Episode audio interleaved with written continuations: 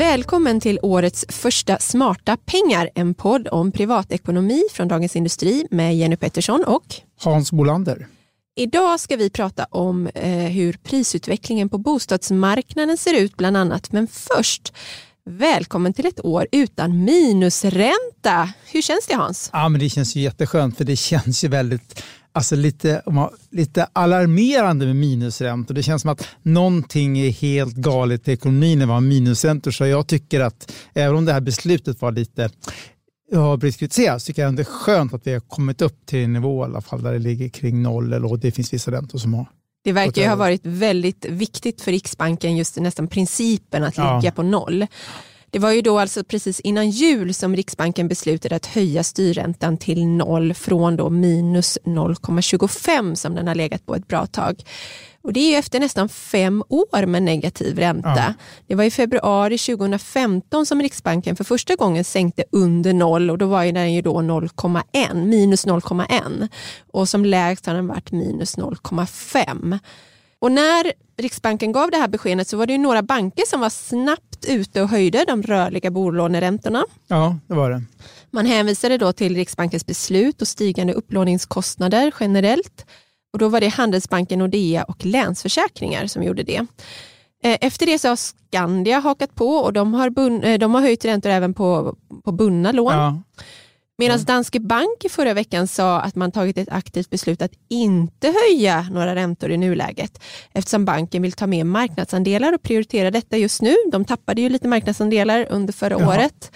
Uh, ja, vad, vad, ska man dra för slutsatser? Vad, vad kommer vi få se här framöver tror du? Ja, men det, det är ju ett tecken på sund konkurrens. Det är ju jättebra tycker jag. Att, det, att de fattar olika och inte alla går i led. Och, för då känns det mer som en oligopolmarknad. Nu är det ju Ja, men jag tror också till exempel att Landshypotek har inte höjt och eh, om jag inte missminner mig har SBAB inte höjt heller. Nej, det är flera som inte har höjt ännu. Exakt, så får man ju se så, det här Men, men det, det, är väldigt sunt. Och sen, sen, är det ju så att deras eh, kostnader för finansiering har ju stigit något.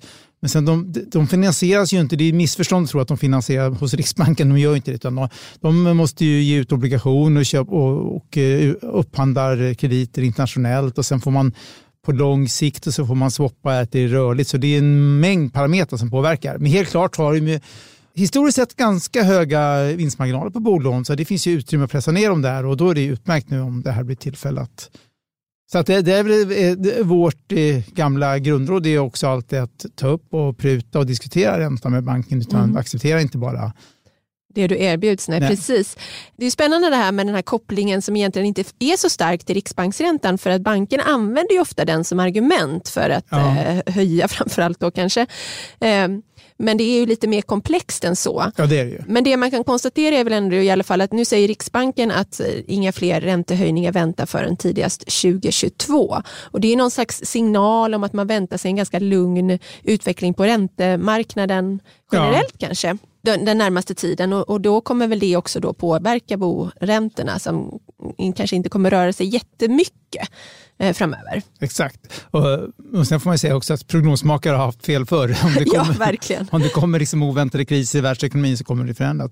Men du, jag tänkte på det intressanta, en positiv för den som har lite pengar på sparkonto som många vill ha som en buffert är ju att nu börjar vi se små rörelser uppåt här. I veckan så höjde Handelsbanken höjde marginellt på, till 0,1 procent, i alla fall från noll. I alla fall på, någonting. Ja, ja. precis. Och, eh, SB höjde räntan på sitt skogskonto och några av de här eh, fri, friare nischbankerna som Bluestep och eh, Aros Capital har höjt under den senaste månaden. Eh, så att eh, sina räntor och det är positivt för den som känner att de vill ha det. Mm. Nu kan man ju få då ändå en om du har pengar hos en nischbank så strax under en procent kan du få. I, hos de bästa, ja. de bästa på, om du mm. ska ha insättningsgaranti, vilket jag tycker självklart ska ja, det är ha. självklart. Och, och, fria uttag. Och fria uttag, exakt. Ja. Då, mm. Men det räcker ju ändå inte för att slå inflationen, så att det är fortfarande ingen bra affär att ha för mycket pengar på sparkonto. Nej, det uppmanar vi ju aldrig till att man ska ha om det är ett långsiktigt sparande. Men där man behöver parkera pengar som man behöver på kort ja. sikt så eh, ska man i alla fall inte skänka bort några pengar till någon annan. Nej, verkligen inte. Vi byter ämne till bostadsmarknaden, eller vi var ju lite inne på det nu med bo, bolån, men vi byter ämne i alla fall till bopriser. Ja, det kom ett ny statistik nu i, Precis. i veckan. Precis, i veckan kom Svensk Mäklarstatistik med nya siffror då för december. De kommer ju med siffror varje månad.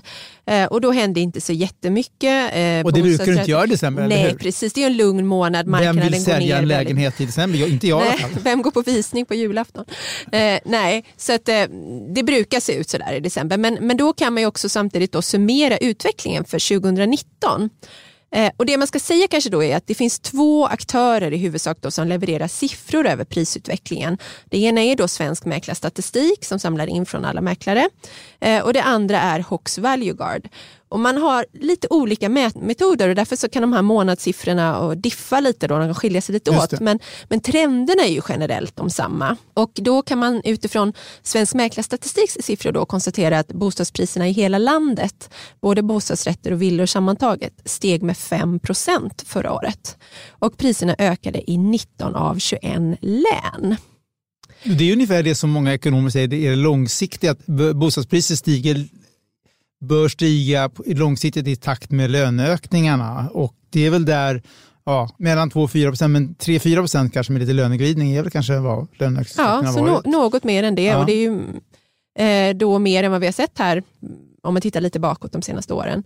Eh, det har också skett väldigt många affärer så det har ju tagit lite mer snurr, eh, ja. eller fått lite mer snurr.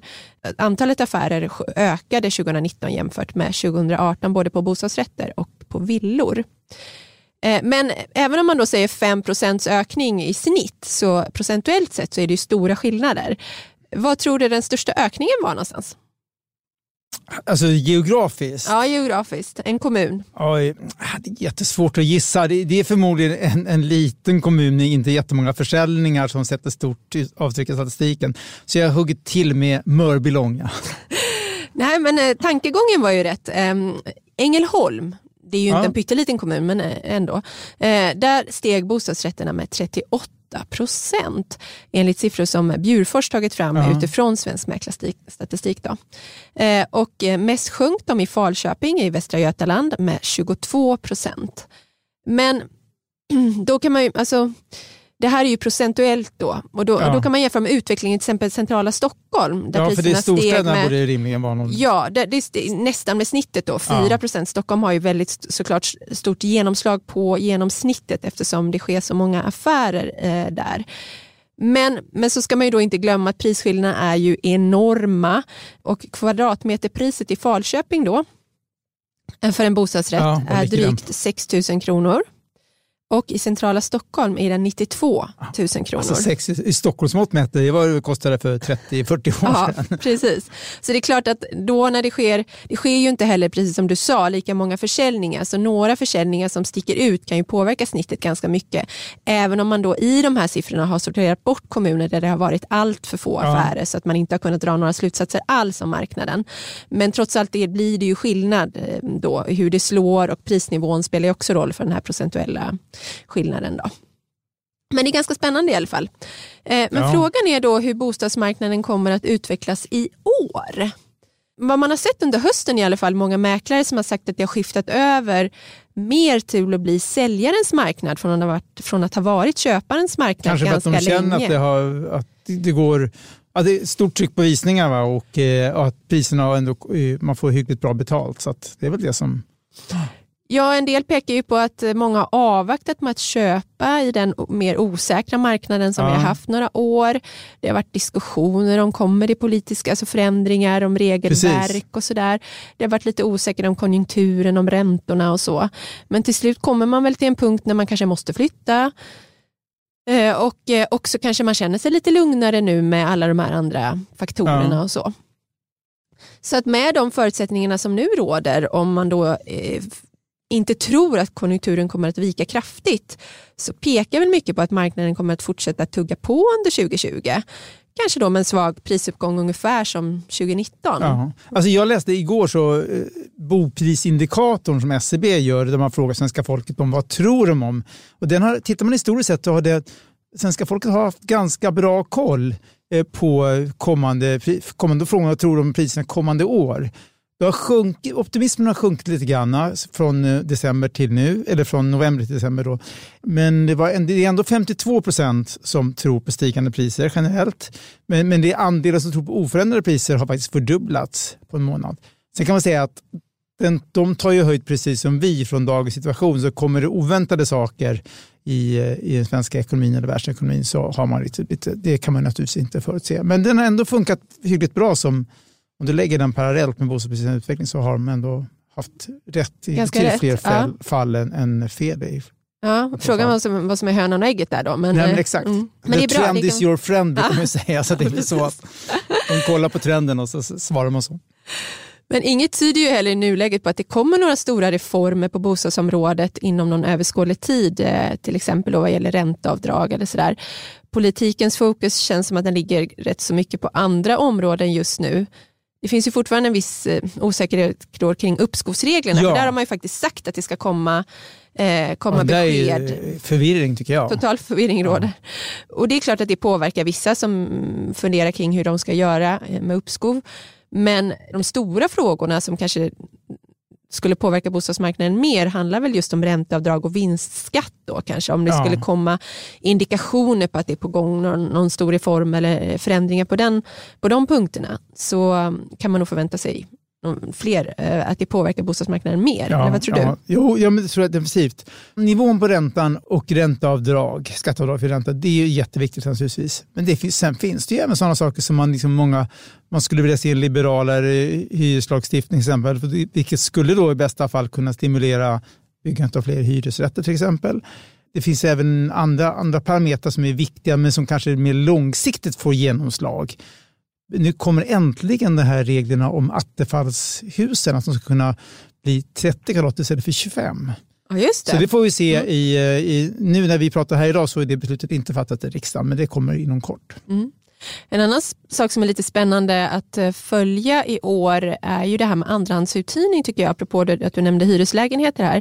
För det kom ju nya regler eh, sent förra året ja. som eh, innebär hårdare straff för den som hyr ut eh, utan så, tillstånd och, för, och, som tar ut en överhyra. Just det, så kallade ockerhyror. Ja, precis. Ja. Eh, det finns ju väldigt eh, tydligt eh, bestämt hur mycket man får lov att ta ut. Då. Det handlar ju om 10-15 procent om man, extra om man hyr ut möblerat. Det har varit en praxis förut men nu är det faktiskt lag också. Ah, ja. eh, och eh, Den som både hyr ut olagligt utan tillstånd från värden och tar ut en överhyra riskerar ju fängelse numera. Jaha, Så det, det är ganska skarp förändring.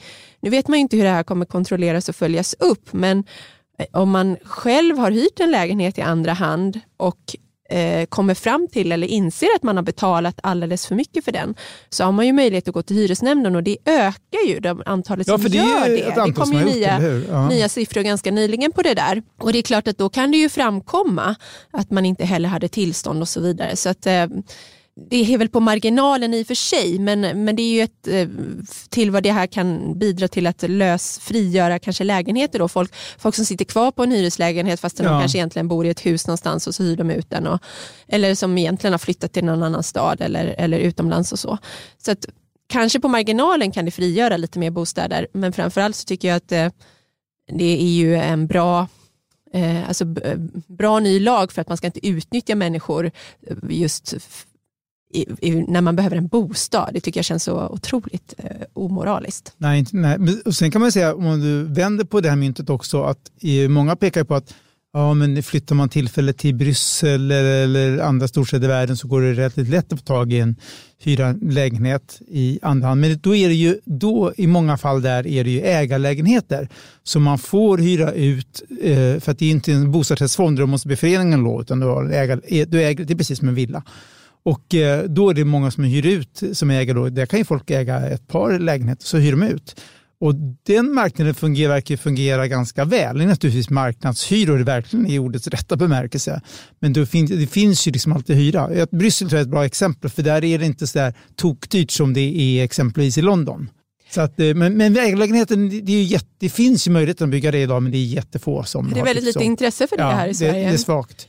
Sen så, så länge bostadsrättsföreningen eh, går med på det så kan man hyra ut sin bostadsrätt och eh, då är det ju andra regler för vilken hyra man får sätta på den. Ja. För då får du ju ta, det finns ju en schablon för hur, hur du får ta hänsyn till dina räntekostnader och sådana där saker. Så det är stor skillnad mellan hyresrätt och bostadsrätt där. Men jag pratade med någon jurist som trodde att kanske då när de här förändringarna för vad man får ta ut för en bostadsrätt kom, för förut var det ju samma som för hyresrätt, men eh, när man ändrade det då var det kanske många som hakade på sina bostadsrätter på det systemet också ja. fastän det egentligen man inte får det. Då. Ja, så ja. Det, att det, ja, man vet inte säkert om det var så, men det är Nej. en teori i alla fall. Att man då tog chansen att aha, man får hyra ut den här bostadsrätten som är lika stor som min hyresrätt för 14 000, då tar jag också 14 000. Men eh, förhoppningsvis så kommer det där eh, minska.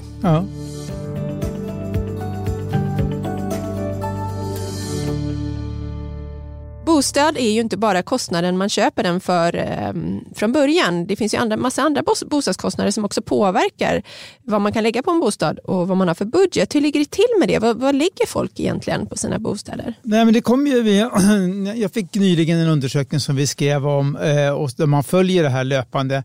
Och då brukar man säga så här, hur mycket lägger hushållen i, i snitt andel av den disponibla inkomsten? Det vill säga lö, lön efter skatt och eventuella bidrag och sånt och hur stor andel av boendekostnaden av det. Och då har det, brukar man prata om att 30 procent är lite smärtgräns för många, men det har ju sjunkit då från från i alla fall en 28 procent för närmare 10 år sedan till en 24 procent idag. Och det är ju naturligtvis en, effekt av, att, av det låga ränteläget.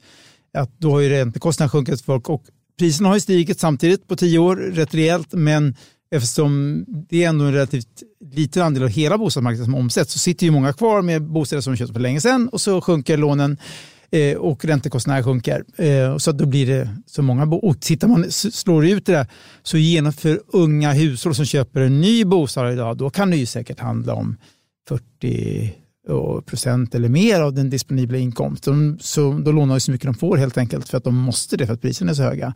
Men genomsnittsmässigt så genomsnittssvensken har fått det väldigt mycket bättre och vi behöver lägga mindre på boendet. Men om man tänker på andra kostnader som är kopplade till boendet, då, vi har ju el och VA, ja. lite beroende på hur man bor och sådär. Vad, vad kan man förvänta sig av det? Nej, men där, där varnar eh, en del och jag kan verkligen skriva under på det att de kostnaderna kommer ju stiga. Alltså, det gäller framför allt om du bor i småhus, men även om du bor i bostadsrätt och så där, där, där är ju energi och VA en mindre del av bostadskostnaderna. Men i småhus märker du direkt. Och VA-kostnader är jättemånga kommuner som har helt usla VA-nät. De måste renovera de här. De kommer tvingas höja taxorna för de kan inte ta det på skatten. Ska, där kommer taxorna stiga och eh, vi har redan sett hur elnätsavgifterna har stigit väldigt mycket. Nu får de, tvingas de då, vilket jag tycker är bra på grund av eh, nya regler från staten, sänka något, men det är ändå högt. Och sen tror jag liksom att man får verkligen ta höjd för eh, eh elkostnaden kommer dra iväg. Vi har ju väldigt låga elpriser just nu på grund av den milda vintern bland annat. Exakt, Men eh, du, du pratar mer trend på sikt. Jag pratar om trend på sikt och om man tittar, tittar framåt ett par år och kanske ännu längre på tio år så i takt också med att vi ska eh, ställa om till ett klimatsmart samhälle så fossilfria bränslen vinner på sikt och man fasar ut kol, och olja och gas och kommer göra mer på, eh, på vind och, och vatten naturligtvis och solceller. Men eh, det är inte helt färdigt utbyggt och kärnkraften stängs kom, har ju börjat stängas ner nu. Ser vi Ringhals har ju stängt. Alltså så ett lägre utbud eh, och, framförallt tror jag också det här med att elbilar och andra typer av som går, går på el, det ökar ju relativt snabbt i hela världen och då ökar ju också efterfrågan på el. Så det är just den här kombinationen, ett minskat utbud och ökad mm. efterfrågan, det brukar på de flesta marknader leda till högre priser. Driva upp priserna. Så allt sånt här måste man också ta med i, i eh, eller ha i bakhuvudet i alla fall när man eh, köper bostad. Ja, att man ska ha en god marginal, mm. verkligen. Mm. Pratade lite, nämnde lite tidigare här det här om vikten av att eh, förhandla sin boränta. Eh, och under hösten så har det ju varit ganska förmånligt att binda räntan och det är också en hel del personer som har gjort det. Vad tycker du då, givet nu de nya mm, höjningarna här, är bunden eller rörlig ränta att föredra i det här läget? Det där är verkligen det här som, det, jag tycker det är svårt att ge generella råd. Tänk, tror man att man kommer att, att behöva flytta av något skäl eller sälja då, byta bostad inom, eh, inom närmsta åren så är det ju dåligt med ett bundet lån. För att då, kan du, då riskerar du att få betala en ränteskillnadsersättning. Sen är det andra är, vad tror man om framtida räntor? Jag kan säga att jag band ju själv ett lån nu. Jag fick 1,09 på fem år. Jag tyckte det var, det var liksom bara tacka ta emot. Det var en no-brainer. Ja, faktiskt. För att okej, okay, får vi en lite ny kris och minusränta igen så kanske den rörliga räntan går ner lite igen och så. Men det är liksom, det är, den, om det, även om den går ner 0,10 då kan jag leva med det. Och jag, har ändå liksom, jag känner mig rätt trygg på att jag har en, en riktigt låg ränta nu fem år framöver. Men, eh, och, och, en del har ju drivit kampanjer. De, de, bankerna vill naturligtvis också att man vinner av skäl att då får du lojala kunder. Man. Så att, de har ju ett egenintresse av att kampanja med, med bundna räntor ibland. Och hur tänker du om Mitt råd är ju generellt alltid att aldrig binda räntan. Eh, och eh, det står jag fast vid. Eh, men sen och det har ju verkligen varit ja, det historiskt sett har det ju under varit, i alla fall 20 år. Eh, absolut, men sen under hösten så har det varit så att det får man ju, det får man ju vara tydlig med att du har kunnat få en lägre bunden ränta än vad du har kunnat ha en rörlig ränta. Eh, jag tänker att det där ändå ehm, över tid så kommer det inte se ut så. Men sen håller jag med Nej. om att en femårig ränta på 1,09 det, det är ju jätte, jättebra. Och jag har svårt att tro att även om det händer något stort på räntemarknaden att det skulle gå under, under det igen. Men nu då eh, har ju flera banker höjt lite grann så att jag tror ja. inte att du kan få 1,09 nej, idag. Inte, nej, idag tror jag det handlar om så jag skulle det var, möjligen kunna det få 1,3. Det var där i höstas. Ja. Mm. Eh, så att, men, men det som man ska komma ihåg är att det är faktiskt ganska stor skillnad mellan bankernas listräntor och genomsnittsräntor. Eh, ja, just om man det, tittar, du har granskat det. Ja, det är SBAB som tagit upp det ja. sin, en, i en rapport. Eh, och att man ska vara medveten om det när man förhandlar. Eh, för att man börjar ju lätt på den här listräntan och så blir man, tycker man, åh vilken bra rabatt jag fick. Ja, Men eh, i själva verket så kanske den inte var så himla bra om man tittar sen på genomsnittsräntorna. Då. Men att det är så, så pass stor skillnad, det beror ju också delvis på att bankerna har gjort om sina, sina eh, prismodeller till mer trappstegsmodeller där man man börjar på en viss ränta och så, och så går du liksom ett kliv neråt för varje kriterie du uppfyller. Om du har ett sparande eller om du har en tjänstepension eller om du har en viss belåningsgrad. Ja, det finns ju beroende på var du bor kanske och så. Så det finns flera olika saker som, som gör att det där spannet blir kanske större än vad det var förr. Då ska man ju vara medveten om att det inte alltid är, är så lönsamt att uh, slå ihop sparande och, och Nej, bolån bara för, att, bara för att man ska få en lägre ränta. Men vad, i alla fall kolla upp det här med genomsnittsräntorna och ja. ställ frågor till banken om det, varför du inte får just genomsnittsräntan eller bättre eller så. Eh, så att eh, du i alla fall inte går därifrån lurad. Nej. Du, sen finns det ju faktiskt det allra bästa knepet för att få en låg bo bostadsränta, vet du det är? Säga, får jag inte det här så sticker jag. Nej, du ska börja, själv börja jobba på bank. jag, jag har träffat några bankanställda nyligen. De betalar 0, cirka 0,25 procent för sina bolån. Men då finns det ett tak, man får inte låna hur mycket som helst. Och, så. Och, sen, så är det, och sen så blir det en viss beskattning av det här, det blir en viss förmånsskatt. Men det blir ändå liksom väldigt, väldigt billigt. Ja, så uh, börja på bank. Kan du inte det, se till att förhandla hårt. Precis. Det får bli vårt uh, sista medskick här idag. Uh, podden är slut för den här gången. Eh, ansvarig utgivare är Peter Fällman och podden redigeras av Umami Produktion. Eh, lyssna gärna på DIs andra poddar. Det finns en hel uppsjö att hitta på vår sajt eller på Acast, bland annat. Hans. Ja, vi har ju det digital, vi har Analyspodden och Förnuft och känsla, vi har den dagliga morgonkollen, vi har Makrorådet för den som nördar ner sig lite grann i, i makroekonomi och konjunktur och ränta. Ja, så det, det, vi har väldigt många. Det är kul. Mm. Och det är gratis. Gratis. Lyssna på dem och så hörs vi igen. Hej då! Hej då!